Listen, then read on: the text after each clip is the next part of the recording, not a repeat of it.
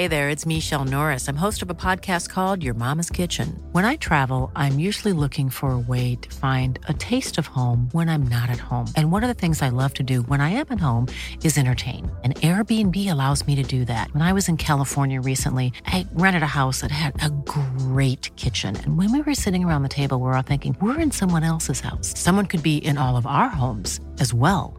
If you have a home, but you're not always at home, you have an Airbnb. Your home might be worth more than you think. Find out how much at airbnb.com/slash host.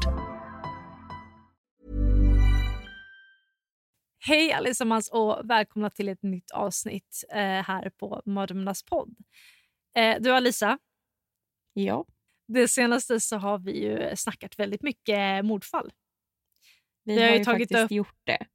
Ja, och vi har ju tagit upp, eh, nu ska vi se, vi har tagit upp eh, barn som mördar, vi har tagit upp mordet i Aspa och så har vi tagit upp dödlig kärlek, vilket var vårt eh, senaste avsnitt när vi snackade om eh, ja, kärlek på alla hjärtans dag.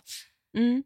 Men eh, någonting som verkligen skulle passa bra in så här på Mardrömmarnas podd är att snacka om någonting som verkligen ger eh, en mardrömmar. Och vad passar då inte bättre in än att snacka om folktro? Det är ju ett perfekt ämne och jag älskar ju det här ämnet. Och eh, jag tror alla kommer fatta det sen när jag berättar om det jag ska berätta om. Ja, alltså som ni säkert hörde om ni lyssnade på förra avsnittet så är väl inte jag jätte ehm, så här, yay på eh, folktro utan jag har ju varit mer för mord och eh, ja, det senaste har det ju varit väldigt mycket mord. Så vi måste ju Mm. dela upp det lite fair and square. Alisa, du får folktro den här gången. Men vad generöst av dig. Ja, ett avsnitt för folktro får det. Efter tre med mord liksom.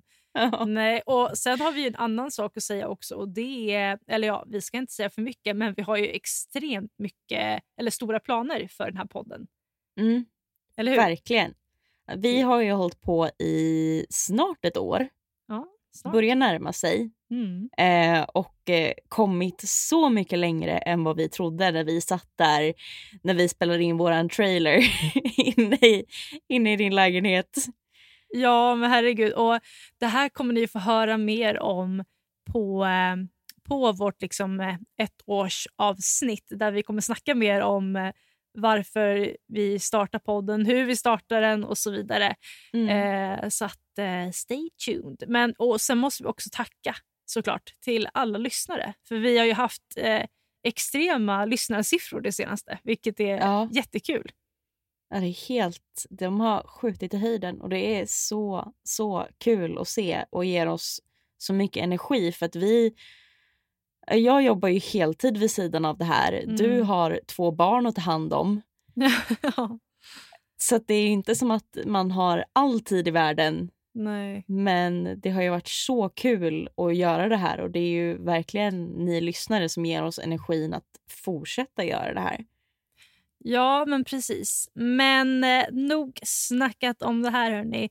Jag tycker att vi ska köra igång med vår första folktro. Och Jag har ju tänkt att snacka om eh, den mexikanska folktron. Vilket jag tycker är ganska intressant. För Jag har ju tänkt att prata om La Llorona.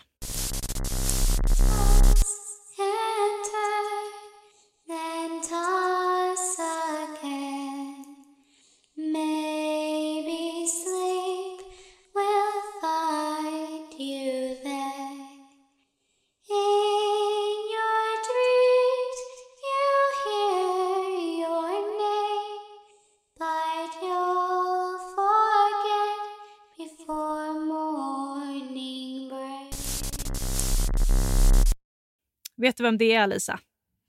Nej, alltså jag har ju hört lite att du berättat om det men jag Mm. har faktiskt aldrig hört om det innan. Nej, men eh, då ska du få lära dig lite ett och annat här nu. En ung kvinna vid namnet Maria finner sin kärlek i sökandet efter lycka. Han är en av de rikaste männen i Mexiko och de blir förälskade. De gifter sig och skaffar barn, två pojkar. Familjen som de nu var bodde i ett stort vackert hus nära en flod. Maria var alltid hemma och tog hand om båda sönerna under tiden hennes man var iväg på arbete. Han kunde vara borta i eh, några timmar till några dagar. Men Maria kämpade på i det stora huset med att städa och ta hand om sina pojkar. Och ja, De där åren de går. Och eh, Mannen tillbringar mer och mer tid borta än hemma med Maria och deras pojkar. Och Marias kärlek för hennes man är fortfarande stor men hans tycks ha försvunnit helt. Han kunde komma hem från jobbet och totalt ignorera henne och ger istället all sin uppmärksamhet till sönerna.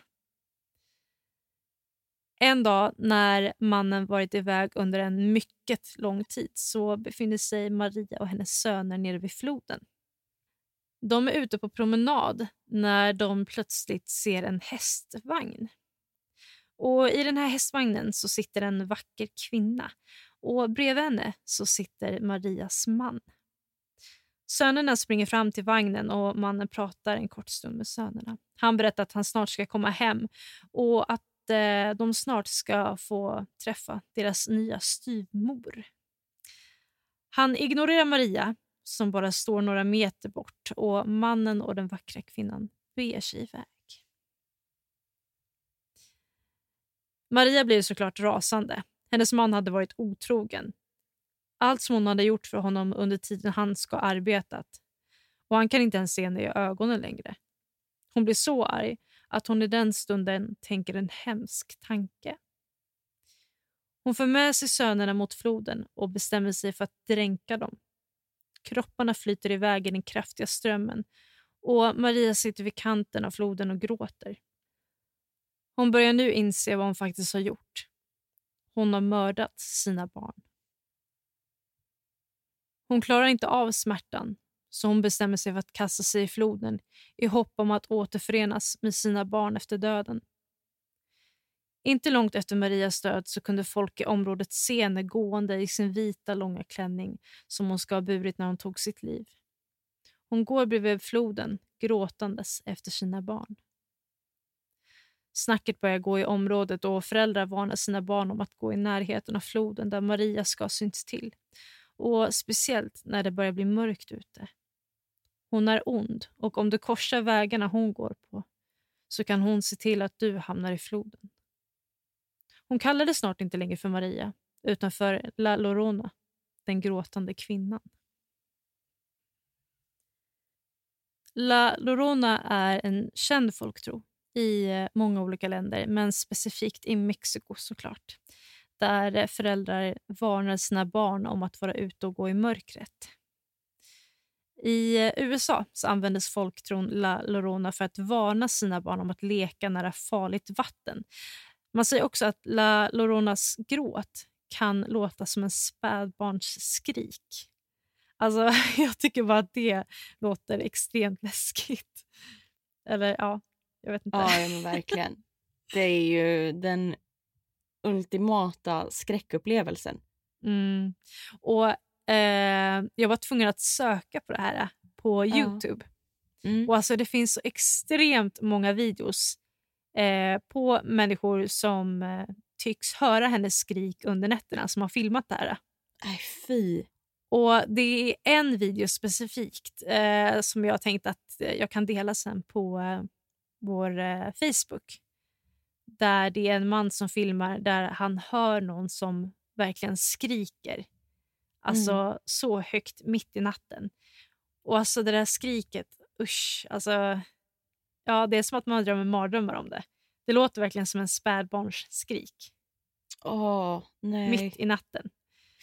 Nej, det finns extremt många videos också på eh, eh, en kvinna man kan se med långt svart hår och vit klänning komma gående ensam mitt i natten. Mm. Eh, sen så visst, det kan väl gå kvinnor ute med långt svart hår och lång vit klänning under natten också men det Ja, känns som jo. att eh, det ofta är inte så det? vanligt. Nej. Men alltså samtidigt känns det som en ganska klassisk Mm. sån här folktrosgrej. Det som jag tänker, det finns väl någon som berättelse, nu kommer inte jag exakt ihåg hur den gick, men i USA där det är en kvinna som eh, luras in i mäns bilar på nätterna vid någon Mm. specifik väg. Mm. som också har en lång vit klänning. Mm. Ja, Och och, sen som- så har vi ju eh, den vita damen också. Eller den vita frun eller vad man nu säger. Som Ja. också, the white lady. Ja. Som också har den här långa vita klänningen som man eh, ska ha sett eh, på olika slott över hela världen. Ja. Också så här. Men jag menar, förr i tiden så var det ju känt också med just de här långa vita klänningarna. Mm. Så jag menar, så konstigt är det väl kanske inte heller, men eh, eftersom folk tror också sträcker sig så långt bak i tiden. Ja. Eh, som till exempel det här med den vita damen. Det sträcker ju sig tillbaka till medeltiden till exempel. Ja. Så att, Ja, men eh, alltså, det finns så konstiga saker folk hade för sig förr i tiden.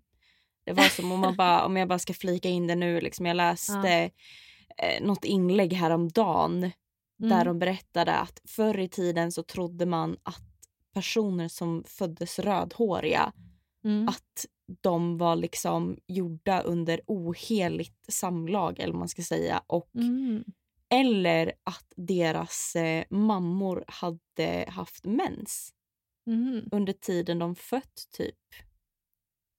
Eh, va? Och därför hade de rött hår. What? De bara, ja det färgades på vägen ut. Bara, okej. Hel, per, hel eh, permanent hårfärg. Ja, så att om det är någon med rött hår som lyssnar just nu så ta inte illa upp. Nej men alltså, jag, verkligen det jag ville komma fram till var att det finns såna sjuka saker man har trott på. Ja, men väldigt ologiska i- sådana. Eller i alla fall sånt man ser som extremt ologiskt nu. Men Ja. förr i tiden så var det väl säkert väldigt eh, logiskt. Ja, men säkert. Men idag så, och jag undrar hur de kommer, liksom det vi tror på idag, inte för att Mm. vi egentligen har jättemycket folktro kvar Nej. som är annat liksom än berättelser, men det är liksom vi Mm. tror på idag som vi ser som jättelogiskt. Mm. Undrar hur de kommer prata om oss i framtiden. Ja, de kommer prata om oss precis som vi gör nu med barnen som föds när kvinnan tydligen har mens. Jag vet inte. De bara, idioter. men gud. Nej, men om vi nu ska gå tillbaka till La Lorona och ni får ursäkta mitt uttal där om jag nu skulle uttala det fel. Men eh, i Venezuela jag försökte säga det lite tjusigt där bara för att. I, okay, I Venezuela eh, så eh, går ju historien om henne lite annorlunda. Mm. Eh, där säger man att eh, hennes ande kan kidnappa och döda andras barn. Och På grund av detta så sätter barnfamiljer upp träkors utanför eh, sina dörrar för att skydda sig mot eh, hennes ande. Mm. Så att, eh, men det har man ju också hört eh, förr i tiden att man satte upp eh, träkors för att skydda sig. Mm. Mm. Eller kvastar utanför dörren. Ja, men jag tänkte precis på det. Ja. Kvastar funkar helt utmärkt det med. Ja. Men historien säger att Maria inte kunde ju ta sig till sina barn efter döden utan hamnade liksom i något land däremellan som gör att hon därför kan synas till vid vattnet och gråtandes efter eh, sina barn än idag.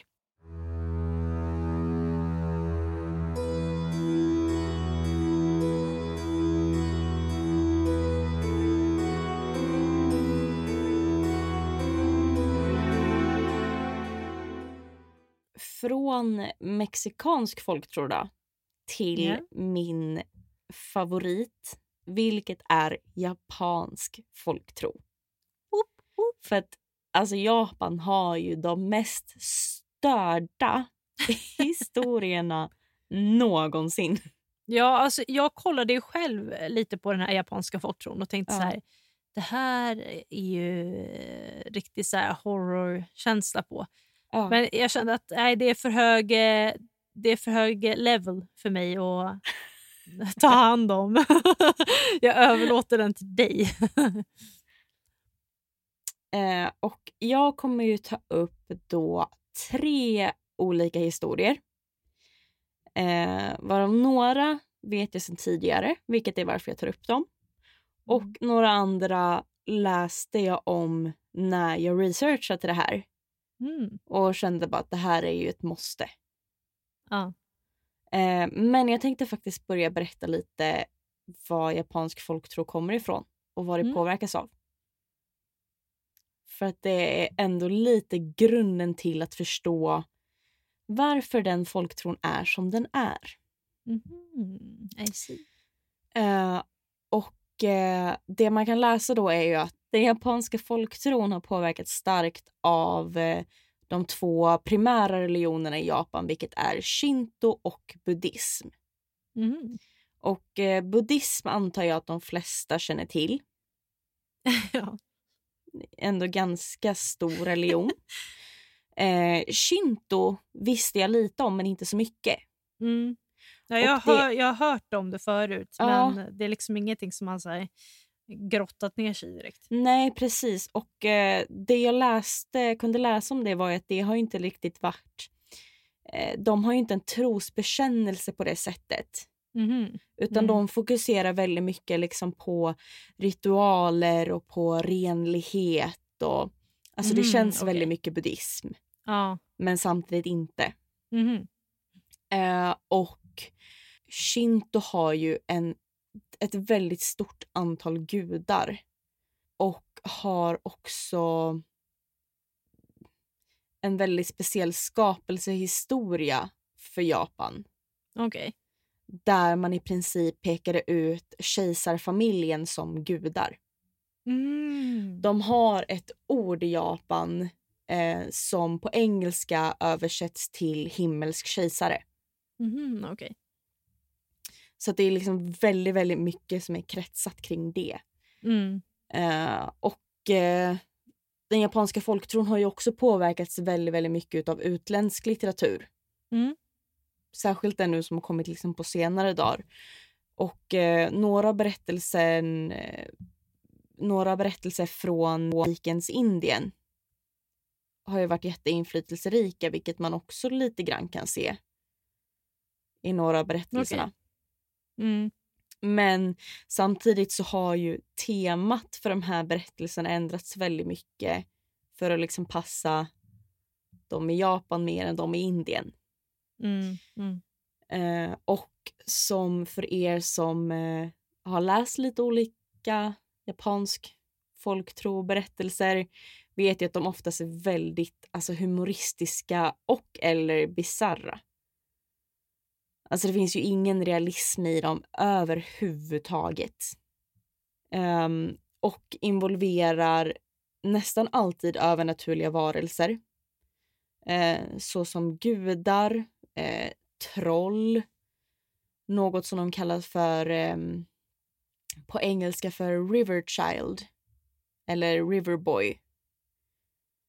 En slags, eh, vad ska man säga, vattenande som de har. Mm.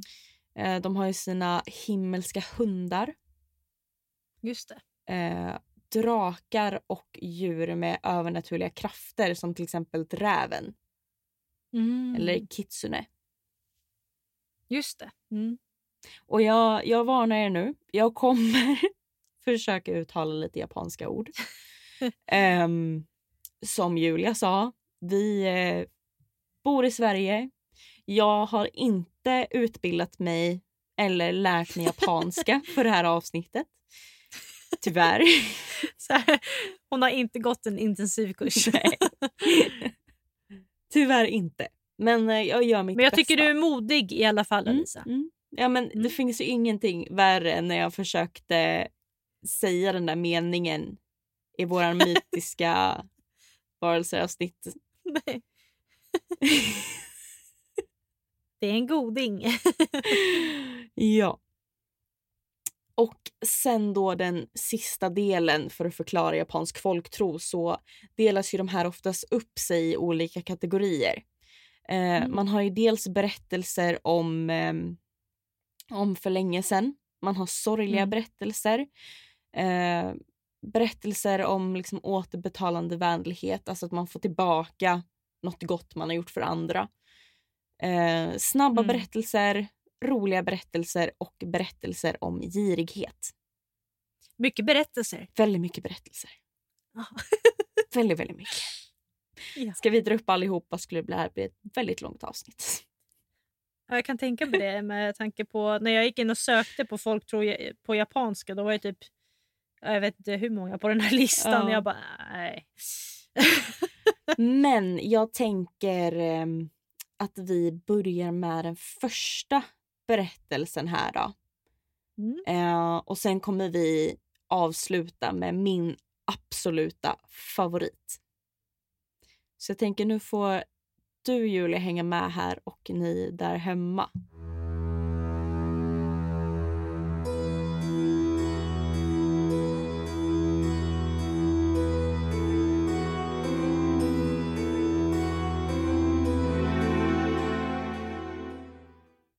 Vet du vad en eh, yokai är? Eh, nej. Nej. Eller kappa som man också kan kalla det. Eh, när jag läst om det så har jag förstått att det är en extremt populär varelse bland japanerna. Jaha. Faktiskt den typ mest det överlägset populära. Mhm. Eh, väldigt bisarr varelser. Den har eh, näbb Oh. eh, och ehm, huden är som eh, grodskinn Ew. och Mm. den har ett sköldpaddsskal. Okej. Eh, luktar väldigt starkt utav fisk. Ja, vad fräscht. Och någonting som jag har så svårt att liksom... Jag, jag kan inte ens föreställa mig det i mitt huvud för att jag har verkligen sån här grov, grov trypofobia. Mm. Jag klarar inte av hål. jag. Nej. Jag har sån fobi för hål och den här varelsen har små hålrum Mhm. på huvudet. Fyllda med Ah, vad vatten. mysigt. Jaha. Och när jag har sett bilder av det så blir jag så äcklad så det finns inte. Eh, Den Okej. går på alla fyra men vissa säger då att den har sett den röra sig på två fötter. Som du och jag Mm. går. Mm. Eh, och den här varelsen älskar ju då vatten. Så att där man Mm. hittar dem är ju i floder, sjöar, myrar och ja, alla möjliga våtmarker helt enkelt. Ehm, det finns en japansk tecknad film Mhm. där den här varelsen har eh, visat sig vara ganska snäll. Jaha. Men det är ju inte helt så sant. De är ju inte riktigt så trevliga som man kan tro att de är. Mm. Eh, för känner de sig attackerade så går de själva till attack. Eh, och den här varelsen har ju använts av föräldrar i Japan för att skrämma sina barn. Det är lite som USAs liksom boogeyman Mm. Just det. har den här varelsen varit liksom för japanerna. Mm. Eh, men vad gör då den här kappan? Jo, den är ju då en väldigt bra simmare. kan man ju lite Mm. förstå eftersom den bor i vattnet. Men har den fenor? Det finns så många olika varianter av den här. Mm. Okej. Eh, ja och nej. ja. Alltså det beror på vilken bild du tittar på. Ja, skulle jag säga. Eller vart du läser om den. Mm. Nu har jag dragit liksom mer en översiktlig. Det finns så många mer detaljrika Mm. liksom, Ja, berättelser om den såklart. här. Mm. Så att eh, ja, ja och nej. Mm. Men, Men bra simmare i alla ja, fall. väldigt bra simmare. Och eh, den älskar ju att fånga sina offer och eh, dränka dem. Mhm. Okej. Ehm, men det sägs ju då att man ska inte känna sig så säker på land heller. För tydligen så slåss de Mhm. väldigt bra uppe på land med. Mhm, Okej. Eh, för att det berättas ju om att de har utdragbara armar. Jaha. Vad det nu ska betyda. praktiskt. jag tänker på... Jag tänker, förlåt, men jag tänker bara på typ kommissarien Gadget. Ja, jag tänkte på Go, såna go, här Gadget, förlängningsarmar! Här som är vikta som man liksom drar ut liksom. Ja. Men, här ska vara ehm, läskigt! som alla andra såna här berättelser så har ju den några svagheter. Mm. Så nu ska jag berätta dem här så att om ni möter kappan någon gång så vet ni vad ni ska göra. Ja, Så det är ju att, jättebra. eh, Eh, det första är ju att eftersom den bor i våtmarker så är den ju känslig för uttorkning. Mm. Och eh, som jag nämnde så har ju den de här hålrummen på huvudet Mm, fyllda med vatten. Mm. Och eh, kappan är ju extremt, även om den kan vara väldigt våldsam så är den väldigt artig. Mm. Så om du stöter på en sån här så ska du buga. Eller böja dig framåt. För då kommer den Mm. buga tillbaka. Jaha. Vilket i sin okej. tur leder till att den tappar ut allt vatten. Aha, okej. Och då tappar den all sin styrka. Alltså det är som att dens Mm. vad ska man säga, magiska krafter sitter i det här. Mm. Just det. Ehm, så att det är det. Och sen en annan ganska intressant grej är att den är känslig mot järn, rådjur och apor. Ja, ja men de, eh, då, då ska jag tänka på att alltid ha med mig lite av varje. Ja. Så att eh, ta med dig en apa när du liksom går längs vattnet i Japan så är du safe. ja, jag ska tänka på det nästa gång. Ja. Eh, och dessutom en annan vad ska man säga, en annan svaghet jag läste om kring kappan Mm. var att eh, när den ska sova så måste den ta bort sin hud Den här grodhuden. ja, för att kunna sova. Jaha.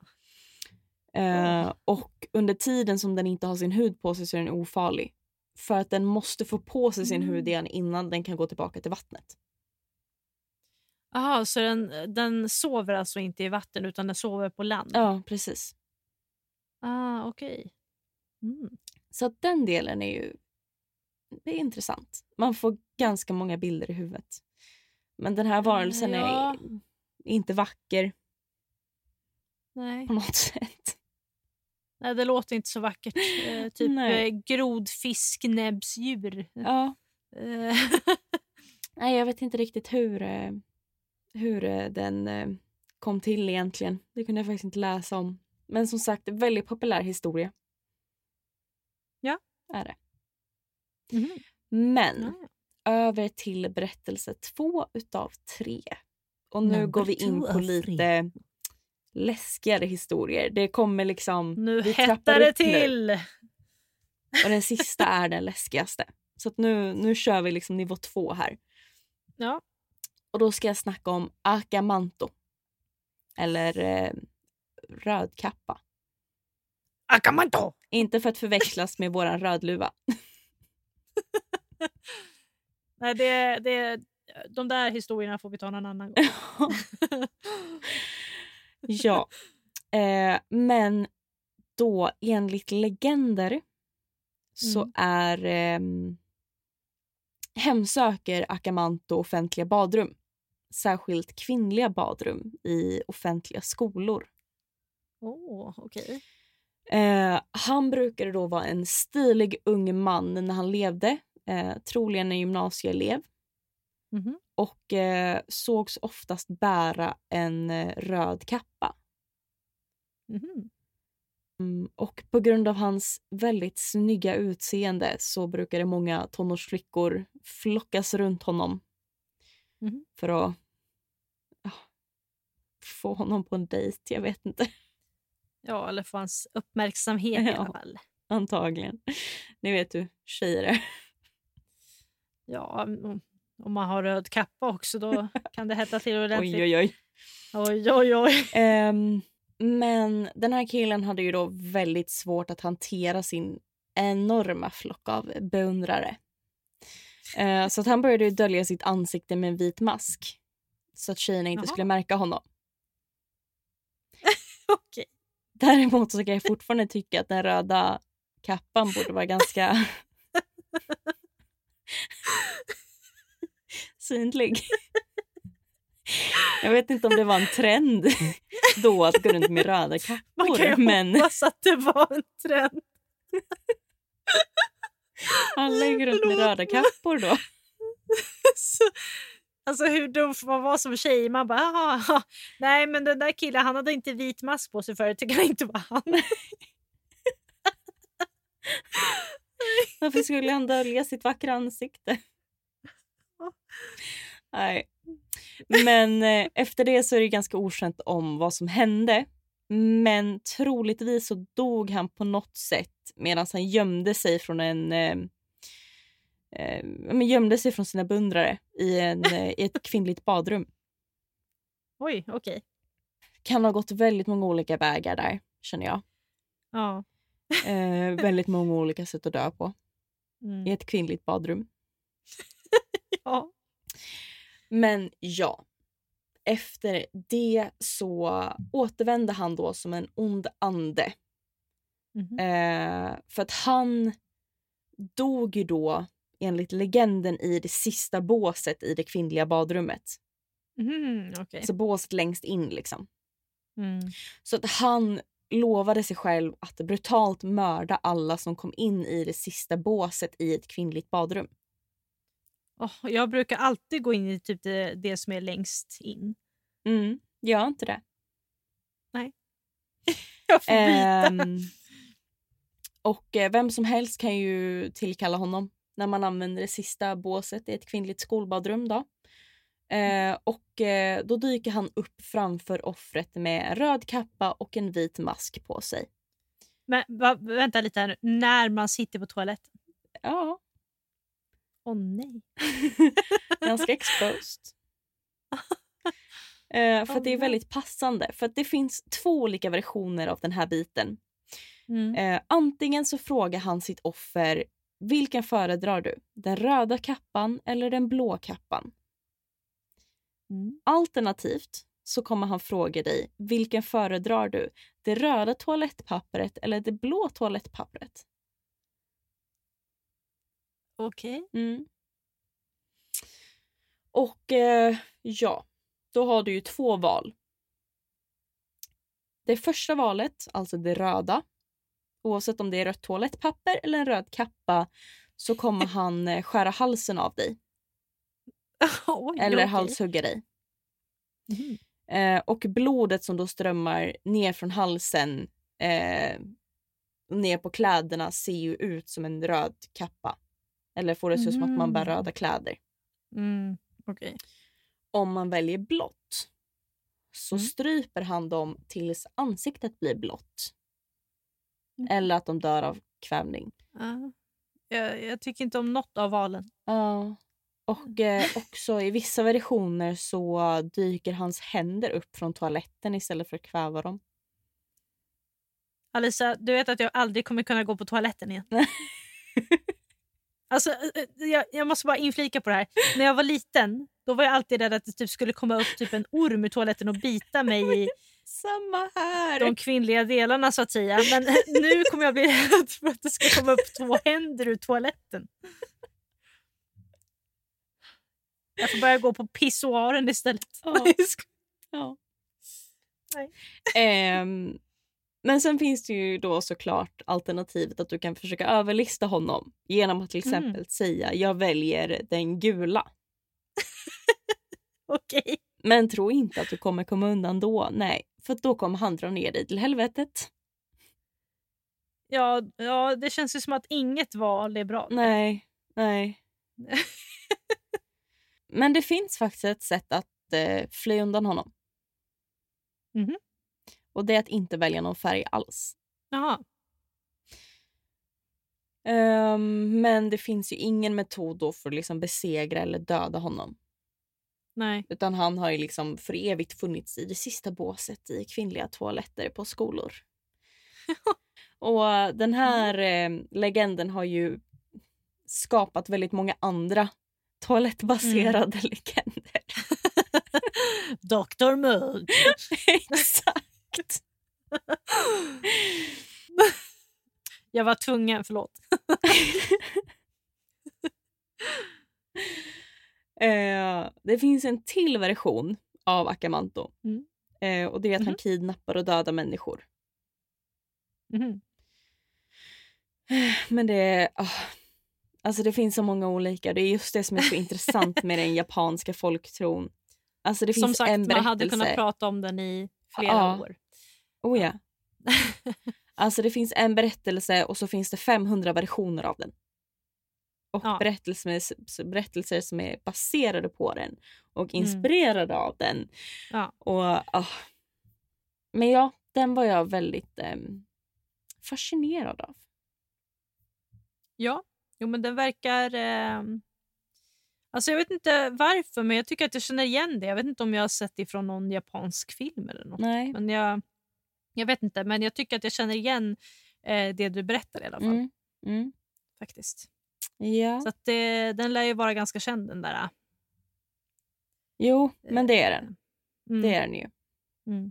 Och det är ju alltså en sån liksom legend som typ alla som går i skolorna och särskilt då gymnasieåldern eller vad vi ser som gymnasieåldern Ja. känner till. Mm. Så att jag antar att det är liksom en sån här grej, du går inte in i båset längst bort. Nej. Bara en sån här liksom os, vad ska man säga, osagd regel. Du gör inte det. Ja. Eller skyll dig själv. Ja. Typ. Om det är någon man inte riktigt tycker om så bara, du kan ta toaletten där borta. Eh, gå, in, gå in där du. Ja, precis. In på sista, eller ja, dagens sista berättelse nu då. Vilket är min personliga favorit. Som var lite orsaken till varför jag tog med japansk folktro från första början. Vilket är legenden om Kishisake Una. Har eh, du hört talas om henne, Julia? Nej, jag har inte hört talas om henne. Nej. För det är som sagt en av mina favoritberättelser någonsin och ni har säkert hört om den här tidigare. Men jag var tvungen att ta upp det igen. För det är bland det bästa. Det är det bästa i Gott och blandat påsen hörni. Ja. Eh, och då enligt legenden så var det här en kvinna som hade ja, blivit skadad under sitt liv. För att hennes eh, mun hade blivit upprivet eller uppskuret från öra till öra. Mhm. Eh, och eh, det finns lite olika versioner av den här berättelsen som i alla andra berättelser. Mm. Eh, och eh, en av dem var då att hon var en otrogen fru till en samuraj. Ah. Och eh, som straff för hennes otrohet så skar han upp hennes mun då, från öra till öra. Eh, en annan version av berättelsen var att hennes mun skars upp under ett medicinskt eller tandvårdsingrepp. Eh, och att det då var en kvinna som var så avundsjuk på hennes skönhet. Alisa, Mm. du vet att jag är rädd för tandläkaren. Ja. Enligt några versioner så var hennes mun fylld med många skarpa tänder. Mm. Mm. Eh, och som den tidigare berättelsen jag berättade så eh, återvände hon eh, som en, en hämndlysten ande efter sin död. Mm. Mm. Eh, och täcker då sin mun med en tygmask. Mm. Vilket jag kände nu i liksom den världen vi lever i just nu där nästan alla går runt med tygmasker så skulle du aldrig kunna utmärka den här kvinnan. Nej. Nej, det är sant faktiskt. Eftersom det täcker för sig extremt mycket av ansiktet. Så, Mm. ja.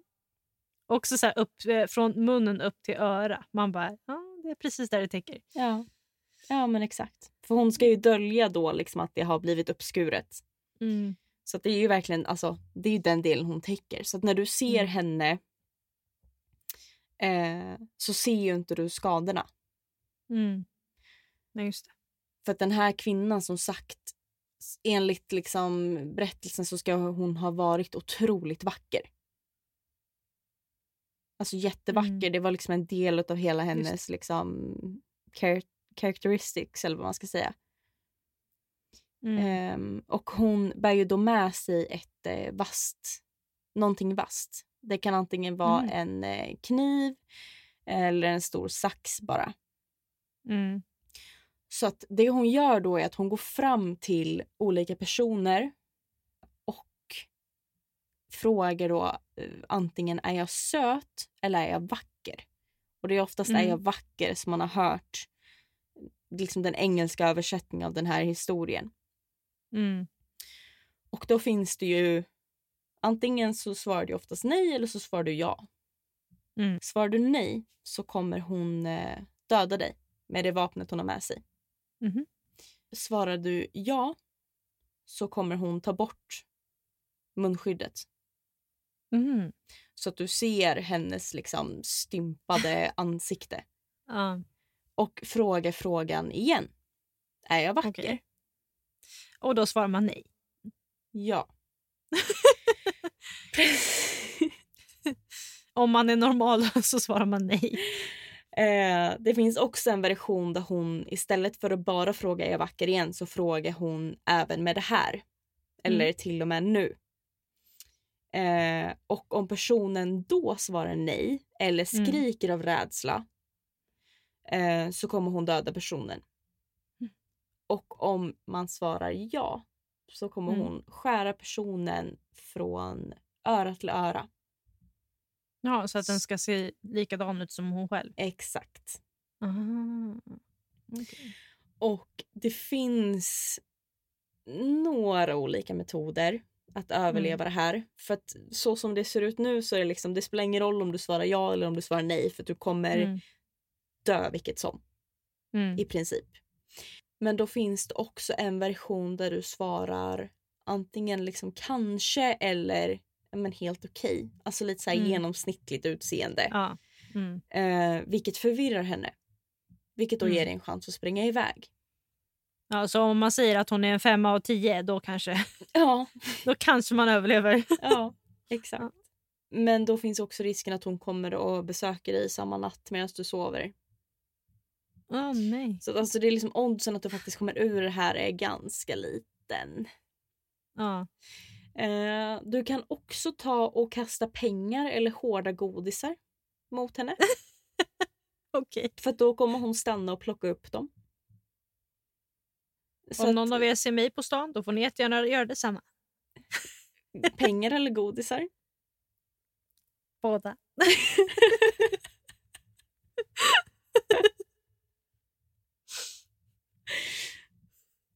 Men ja, då, då är det att man ska liksom kasta, kasta det i hennes riktning och inte liksom på henne. För det känns som att om du träffar liksom med ett mynt i hennes ansikte så kommer hon bli ganska förbannad. Nej, men Alisa, du vet väl att det är ingen som har kontanter längre. Man får swisha. Kasta en swish åt hennes håll. Hon kommer få fullt upp och logga in på BankID.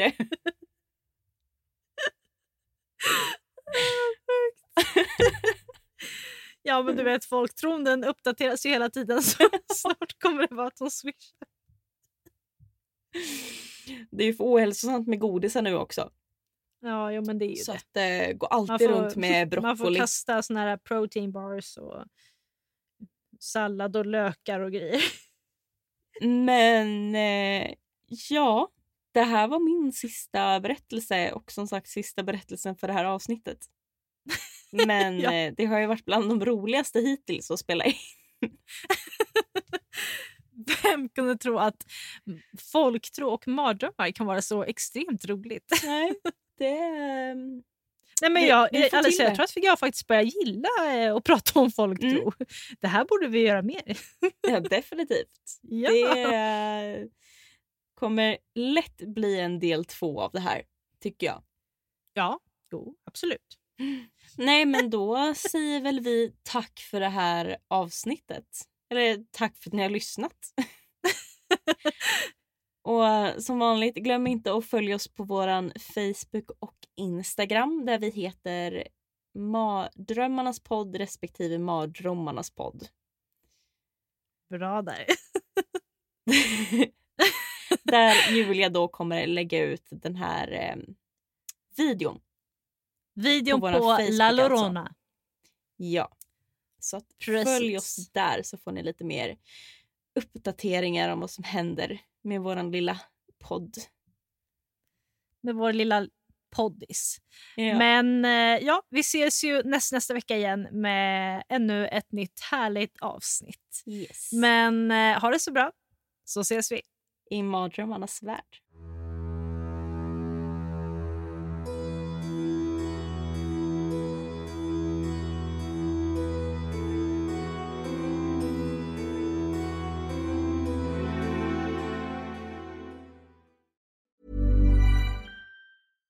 Even when we're on a budget, we still deserve nice things.